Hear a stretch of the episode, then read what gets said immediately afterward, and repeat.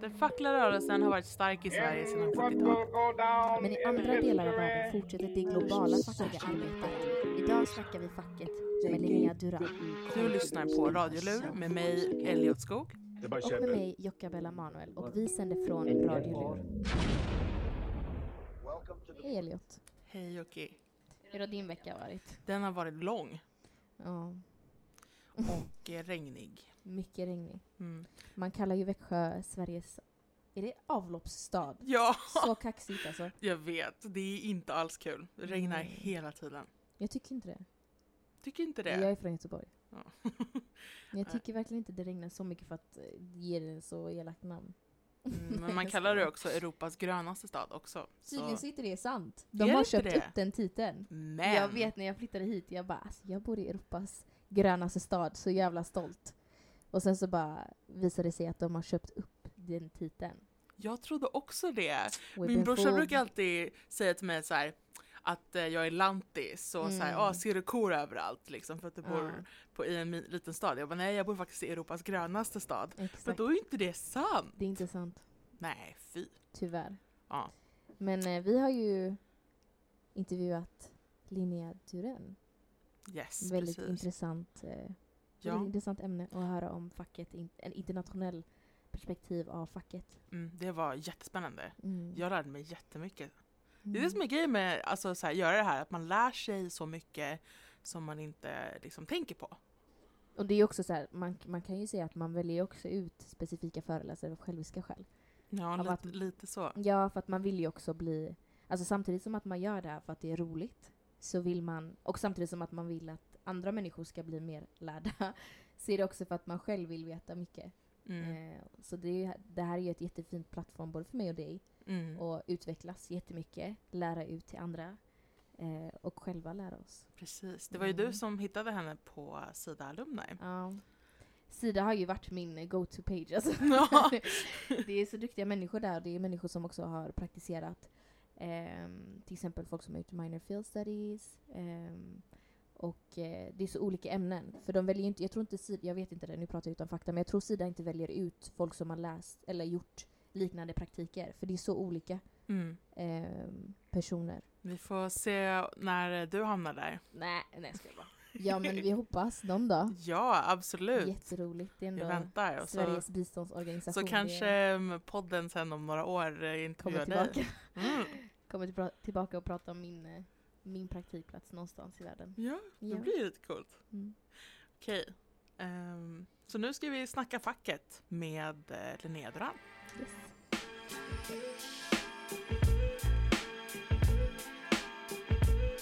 Hej Linnea och välkommen till UF-Lura. Um, vi tänkte Hej, tack så mycket. att du kanske skulle vilja berätta lite vem du är. Ja, ehm, precis. Jag är väl här och pratar med er främst för att jag har gjort praktik i Peru och Uruguay eh, genom Union to Union, eh, en Sida-finansierad praktik. Eh, och det har varit inom arbetsrätt och facklig organisering. Eh, och det är något som jag är väldigt intresserad av. Jag utbildar personalvetare och jag har själv ett fackligt engagemang i, i ryggsäcken. Så att eh, ja, det är lite om mig. Vad jobbar du med nu? Just nu så jobbar jag eh, som eh, arbetslivscoach för unga på Hudiksvalls kommun. Eh, Så det är också lite arbetslivsrelaterat men i en lite annan kontext. Då. Um, vad, vad pluggade du med? Hur kom du dit du är nu? Och hur kom du till Sida och Union to Union? Ja, alltså egentligen så jag studerade ju till personalvetare och det var egentligen att jag först var fackligt engagerad och så fick jag liksom upp intresse för arbetsrätt och eh, sociologi och allt det här. Och då sökte jag in på personalvetarlinjen. Eh, men jag hade liksom redan varit lite engagerad fackligt så jag hade, och jag var fortfarande lite engagerad. Eh, och då var det faktiskt en eh, kompis till mig som eh, tipsade om den här praktiken som Union to Union hade. Och sa liksom att ja, men den här borde ju passa dig, dels för att jag pratar spanska också och sådär. Eh, så ja, men sök den här och jag bara, ja men det kan jag väl göra, liksom, vilken rolig grej. Och så gjorde jag det. Men eh, sen så liksom när jag fick det så var det mer som att oj, ska jag verkligen göra det här? Och sådär. Eh, så jag gjorde det utanför utbildningen faktiskt. Eh, och tog eh, liksom ett år eh, utanför liksom, eh, och började plugga sen igen. Ehm, så det var liksom lite av en slump att jag hamnade där. Ehm, och sen så då tack vare att jag fick ehm, göra den här praktiken då, så fick jag också gå en utbildning inom Sida. Mm. Som alla som gör utlandspraktik får göra. Ja. Och, eh, ja, men så då blev jag liksom väldigt eh, intresserad av liksom Sida och Sidas arbete och sådär. Och sen då efter praktiken så fick jag ju eh, höra talas om Sida Alumni då. Eh, som jag är med i nu. Ehm, förra veckan, eller förra gången, förra avsnittet så hade vi också en eh, gäst som eh, jobbade med Sida. Så hon berättade Mm. om det. Men kan du berätta lite om Sida också? Eh, vad det är, och vad de jobbar med och speciellt vad du jobbade med eh, via Sida. Mm. Ja men så Sida är ju Sveriges biståndsmyndighet. Eh, eh, liksom. Eh, så Sida har ju liksom hand om allt det internationella biståndet kan man säga. Näst, jag tror i alla fall allt internationellt bistånd som Sverige liksom bistår med i andra länder. Eh, och Sida samarbetar ju med en rad liksom, olika organisationer och så. Eh, men har ju liksom som uppdrag att eh, verka för demokrati och ja, utifrån Agenda 2030 då. Eh, och just den delen som jag har gjort, det är väl, det är väl flera olika mål som är liksom viktiga men det som kanske är mest centralt är ju mål 8. Och det är ju eh, ökad tillväxt och bättre arbetsvillkor Mm. som är mål 8. Mm. Eh, så att eh, ja men just anständiga arbetsvillkor är ju liksom, ja, men en väldigt viktig del i det här också. Ja. Eh, Union Mm. to Union är ju en facklig eh, utvecklingssamarbete. Mm. Eh, Berätta lite om deras jobb. Vad gör de? Mm, det är väl lite blandat men eh, i och med att eh, det är en organisation som jobbar liksom, eh, kan man säga på uppdrag eller eh, som ett samarbete mellan LO, TCO och SACO Mm. så är det ju, det är också därför det är väldigt brett för det är liksom alla yrkeskategorier i Sverige kan man säga är representerade liksom. Så att det är ju eh, ja, verkligen brett på så vis. Och det som är är att dels så finns det ju olika samarbeten mellan svenska fack och utländska fack. Eh, och det kan ju vara att man har liksom en vänorganisation i ett annat land eller så. Men sen också att i och med att man är medlem i ett svenskt fackförbund så är man ju också med och bidrar till biståndsarbete på andra ställen. För eh, facken har ju alltid traditionellt sett haft en, en, ett internationellt samarbete. Eh, och där är det också så att även vi i Sverige har ju tidigare fått hjälp från en rad andra länder tidigare när vi har kanske inte varit lika starkt haft ett lika starkt fackligt engagemang eller när det inte har funnits lika mycket ekonomi i de svenska facken. Eh, så det här är ju ett- liksom ett utbytesarbete och där jobbar ju Union to Union dels då med eh, projekt och arbete som är genom facken men sen också då eh, i samarbete med Sida som till exempel då med praktikantprogrammet. Vad kan man se eh, i världen som håller på att göras för att uppnå just det? Ja, ja. Ja, okej. Ehm, ja, precis. Det som är är ju att det är ju hela tiden så facklig organisering och eh, em, alltså förhandling och så som påverkas. Sen eh, finns det också olika typer av ehm, ja, men, eh, politiska diskussioner liksom, ja, men inom eh, de påverkansorganisationer, typ FN och EU och så, där det är olika typer av liksom, politiska krafter som drar åt olika håll. Och en eh, av de frågorna som är liksom ganska aktuella är ju det här med global deals. Och det är ju att mm, eh, man vill liksom försöka få in lite mer, vad ska man säga, den här svenska förhandlingsmodellen kanske man kan säga lite förenklat, men liksom mer förhandling mellan arbetsgivare och eh, fackföreningar och eh, ja, men regeringar och politiker och så, att den ska bli mer integrerad del i det. Mm. Lite förenklat, jag är inte helt, eh, har inte helt stenkoll men att det är i alla fall något som är väldigt tydligt. Och sen ja, man jobbar ju också, eh, för jag gjorde ju praktik på en, en eh, global facklig organisation för industriarbetare. Mm. Något som de gör är ju att de sluter en form av avtal som är lite liknande ett kollektivavtal som vi har liksom, på den svenska arbetsmarknaden. Men eh, det är ett globalt ramavtal heter det, så det är ju liksom ett sätt att försäkra att företag ska ta ansvar för hela sin produktionskedja. I och med att idag så gör ju ett företag inte bara de har inte hela processen på ett ställe så man har liksom inte bara en fabrik och sen säljer utan det finns flera underleverantörer. Eh, men det här är liksom eh, ett avtal där stora företag lovar att de ska ta ansvar för hela, eh, hela produktionsprocessen och då också se till att det finns möjlighet att organisera sig fackligt. Att de inte ska vara antifackliga. Och så så det är i alla fall också ett, ett steg på vägen. Eh, sen eh, är det ett stort arbete att få många företag att skriva på såklart. Um, var det då Industri All som den Ja, precis. hette? Ja. Ja. Ehm, sen, ehm, ja. Vad betyder den fackliga kampen i respektive länder du har jobbat i? Um, vad händer Den, eh, mm, den har ju varit liksom viktig överallt. I alla, jag har ju varit i tre länder då. Eh, Uruguay, Argentina och Peru. Men Argentina var jag väldigt kort så att jag kan inte uttala mig så mycket men, men lite i alla fall. Men i Uruguay så är det ganska stark arbetarrörelse skulle jag säga. Liksom. Jag är mycket starkare än vad jag hade kanske förväntat mig innan.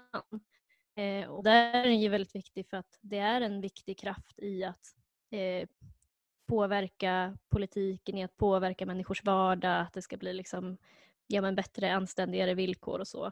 Um, och där såg jag väl mer hur det liksom fungerar väldigt bra. Liksom. Um, och det var fint liksom att se. Och jag var också eh, den sista året tror jag som man kunde åka på SIDA-praktik i Uruguay. För det är faktiskt så att det har gått så väldigt bra för Uruguay. Så att nu är de liksom så stabila så att det är liksom inte med längre. Mm. Eh, och i Peru var det ju en väldigt mycket lägre facklig organisering då. Mm, Bara ungefär 5% är medlemmar i ett fack.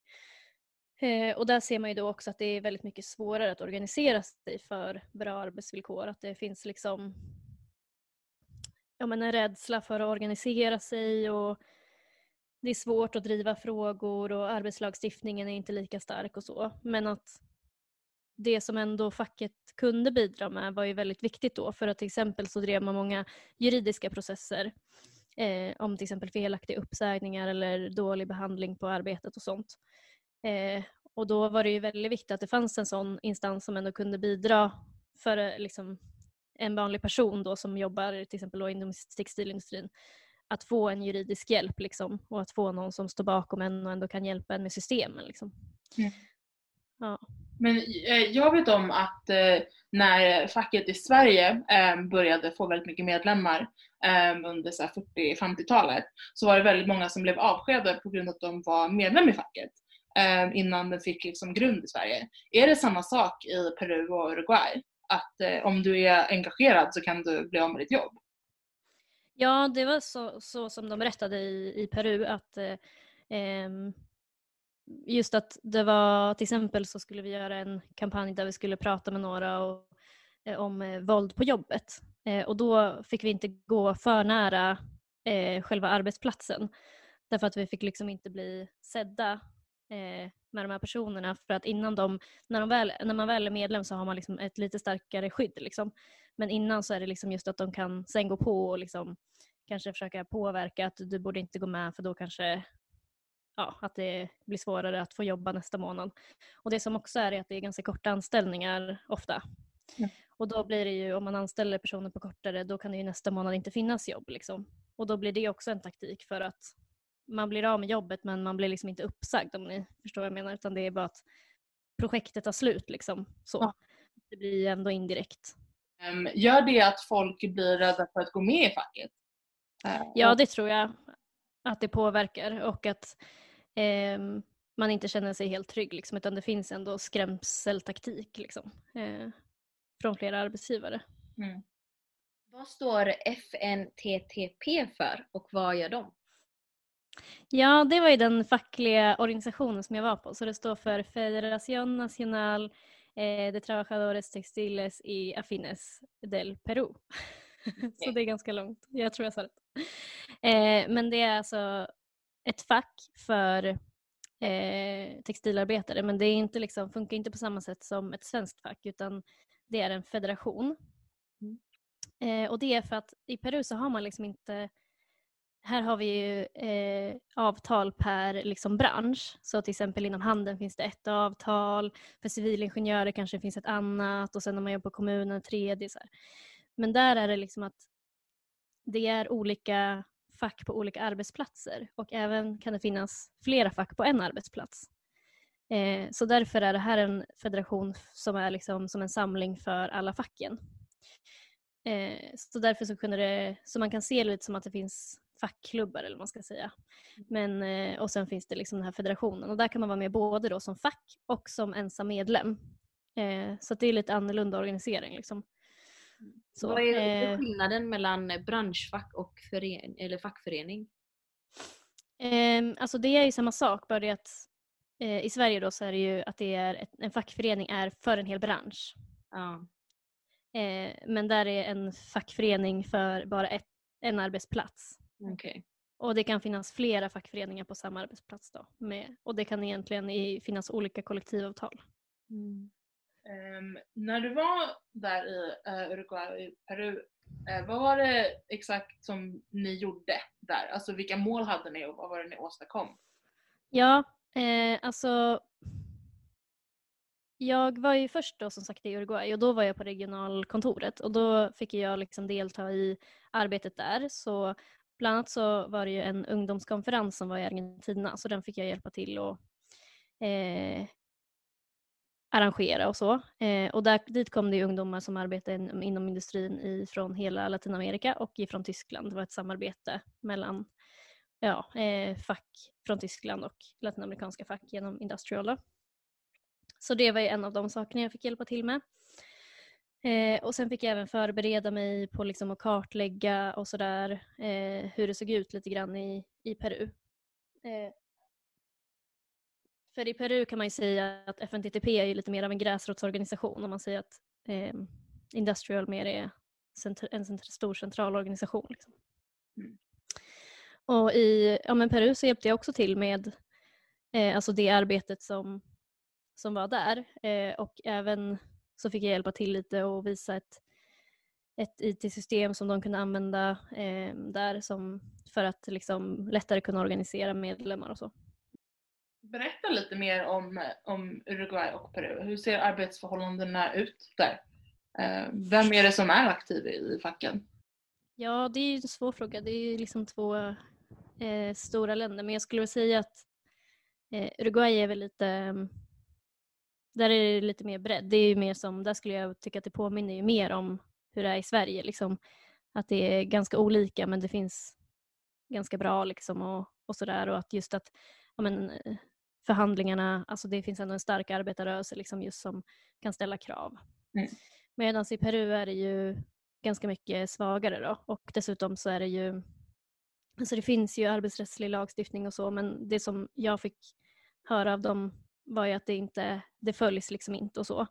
Eh, och många jobbar ju ibland så här 12, dag, 12 timmar på en dag kanske och eh, sex dagar i veckan och så. Eh, så att det är väldigt svårt och just det här att det är osäkra anställningar och svårt att påverka eh, på arbetet. Mm. Att det var olika eh, sorters engagemang just för att stå upp för så arbetarrörelsen och facket. Att det kanske var till exempel en eh, strejk, strejk och manifestationer. Eh, vad var det för någonting som hände när du var där?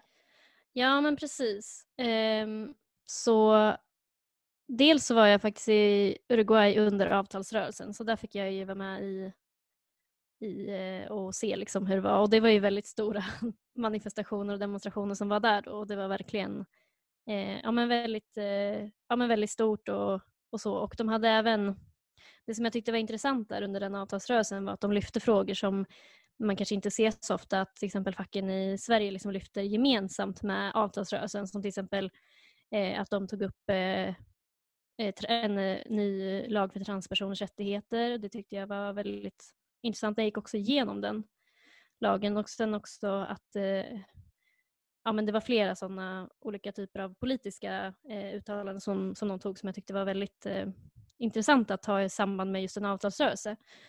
Eh, och sen i Ja, så. Och sen Peru så var det också ganska många eh, fackliga eh, manifestationer och så. Men det som är skillnaden där är ju att i och med att man har en annan typ av möjlighet till påverkan genom förhandling, alltså man har ju inte lika stor möjlighet, så blir det kanske desto vanligare med eh, manifestationer och strejker och eh, demonstrationer. Liksom. Så de är lite tätare kanske. Eh, så där var jag med om, om flera typer av, eh, av demonstrationer helt enkelt som jag fick se. Mm. Där. Mm. Påverkade det någonting, de, de strejkerna och manifestationerna i Peru? Ja, men det tror jag ändå att det gjorde. Liksom. Det är ju ändå ett påtryckningsmedel. Men, eh, så det, det är klart att det påverkar. Det gjorde det. Men sen är det väl svårt att säga om det var exakt den här manifestationen som gjorde skillnad på exakt det här och så. Men att det har ju ändå en, en inverkan. Det tror jag. Eh, Det finns ju en informell sektor inom eh, industri, industri allmänhet, textilindustrin. Eh, Och de arbetarna får ju färre rättigheter och de får ju olika förmåner också. Till exempel, eh, som du skrivit, sjukvård och förskola. ehm, Mm. som det här företaget då står för. Ehm, Jag undrar, vad har staterna i de respektiva länderna för... ehm, Alltså vad gör staterna för det? Alltså när det kommer till att det finns en informell, eh, en så stor informell sektor som kan liksom, ja men kanske hota med vissa förmåner om de går med fackligt. Att de kan liksom ta, ta de rättigheterna ifrån dem eftersom att de har färre rättigheter. Vad har staten för inverkan där?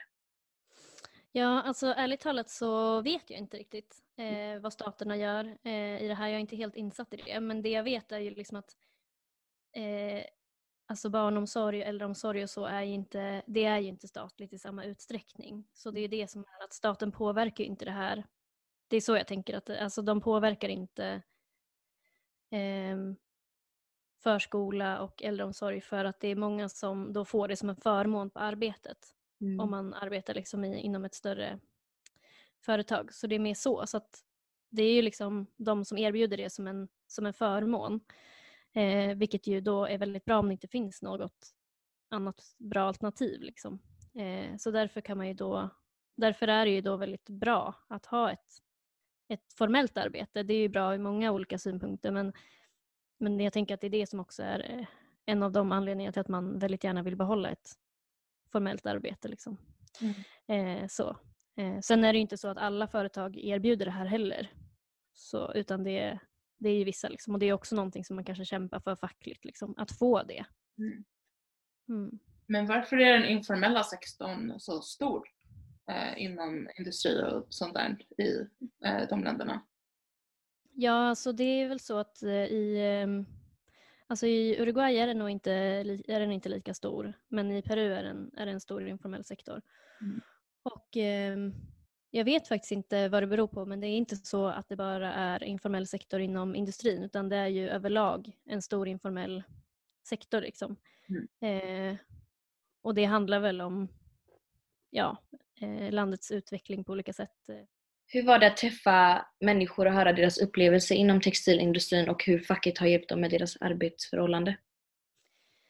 Ehm, alltså det var jättefint och väldigt eh, inspirerande för att det som var det liksom häftiga var ju att det är sån väldigt liksom ehm, ja men kamp för det är ju de själva som har gjort det kan man säga. Liksom, det är ju de själva som har engagerat sig och liksom påverkat. Så det är det som är häftigt, liksom, att det är, inte, off- det är inte någon annan egentligen som har gjort det utan de har ju tagit steget och engagerat sig och, och sådär. Ehm, så det var väldigt inspirerande att se.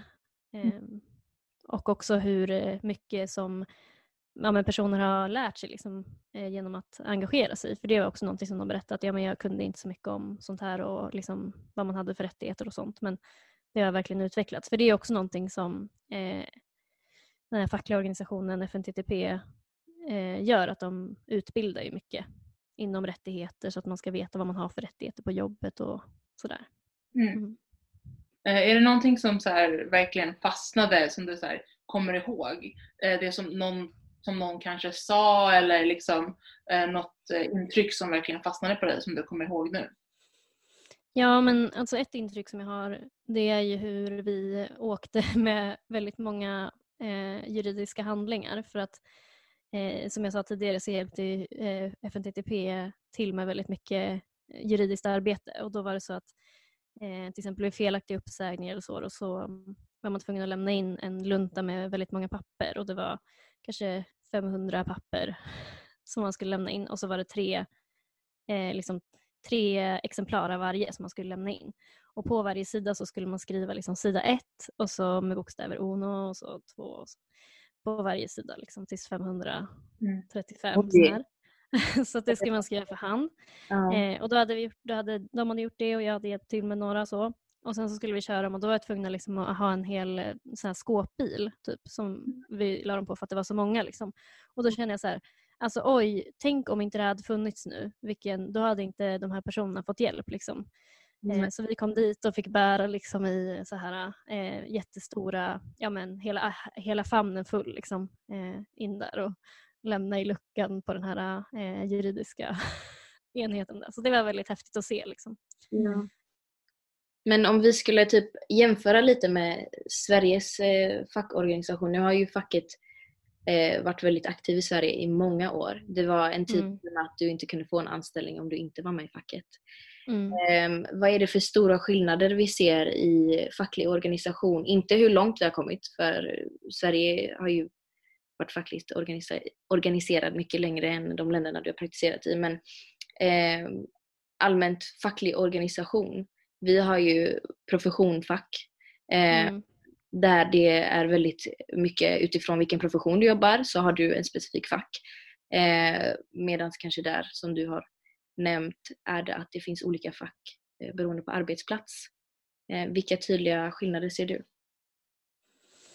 Ehm, ja men det är ju precis det där du säger. Eh, och eh, en stor skillnad är väl just det här med att när man inte har eh, alltså branschöverskridande och sånt så blir det ju alltså det blir svårare att organisera sig ehm, för samma rättigheter. För som jag sa tidigare om det finns flera fack till exempel på en arbetsplats så är det ju väldigt svårt. Då vet man inte vilket man ska gå med i kanske eller om man vågar gå med och det blir färre som blir organiserade för man kan inte tydliga, tydligt visa heller på vad man åstadkommer.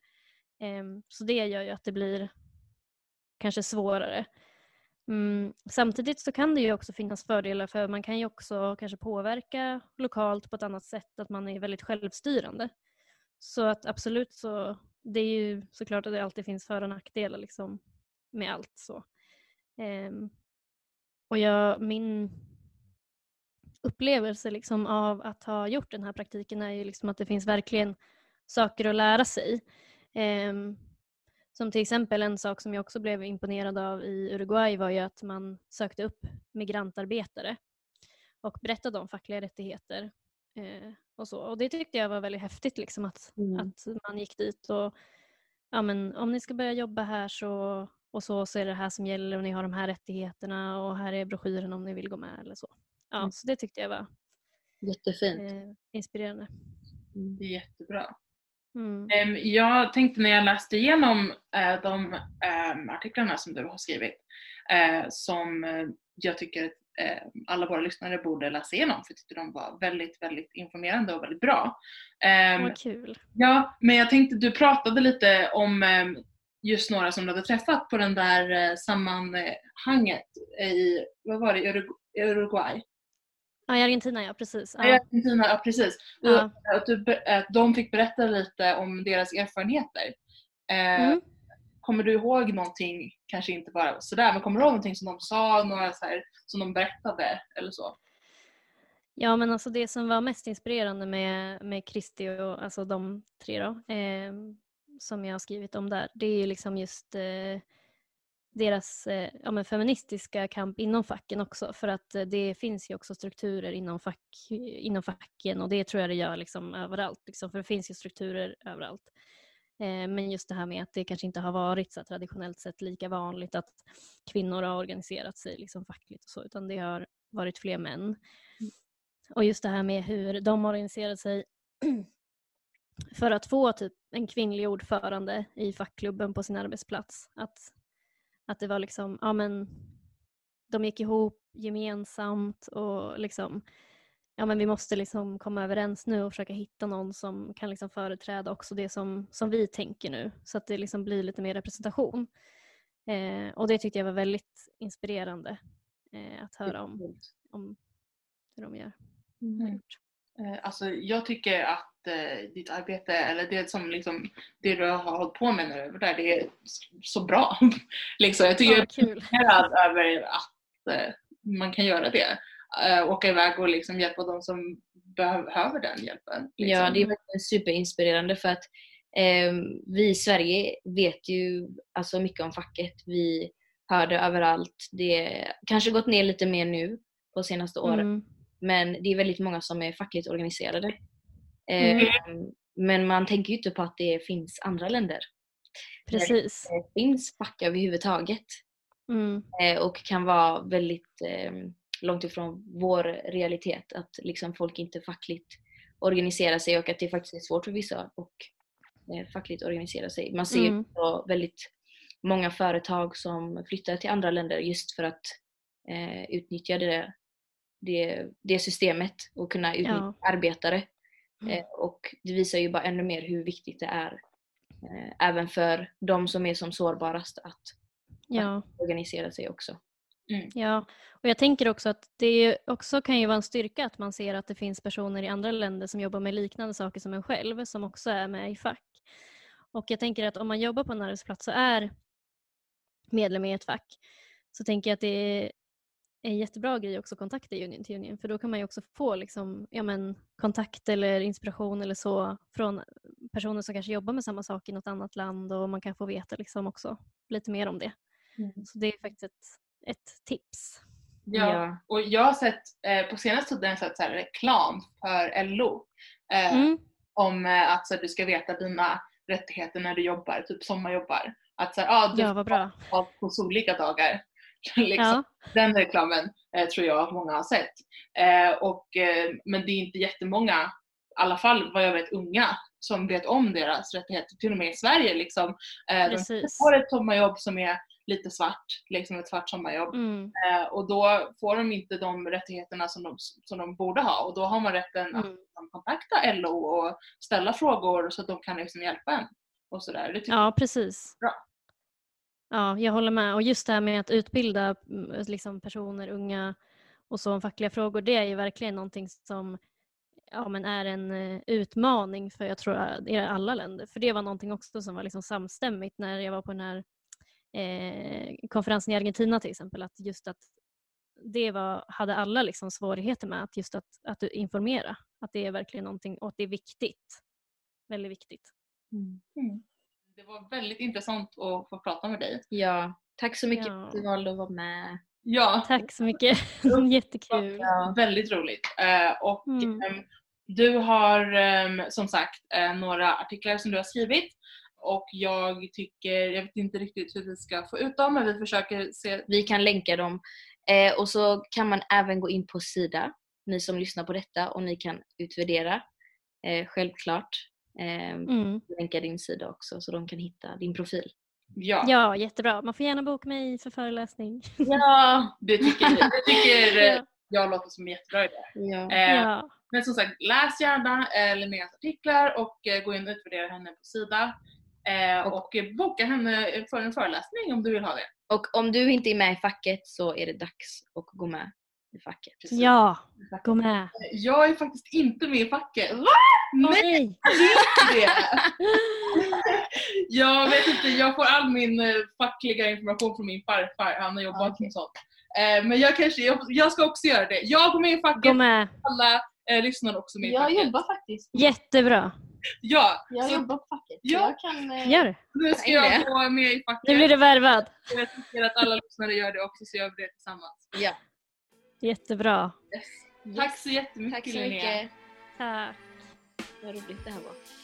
Ja. Här. Hur, Ska vi bara paus? hur stoppar man? Ska man trycka stopp eller?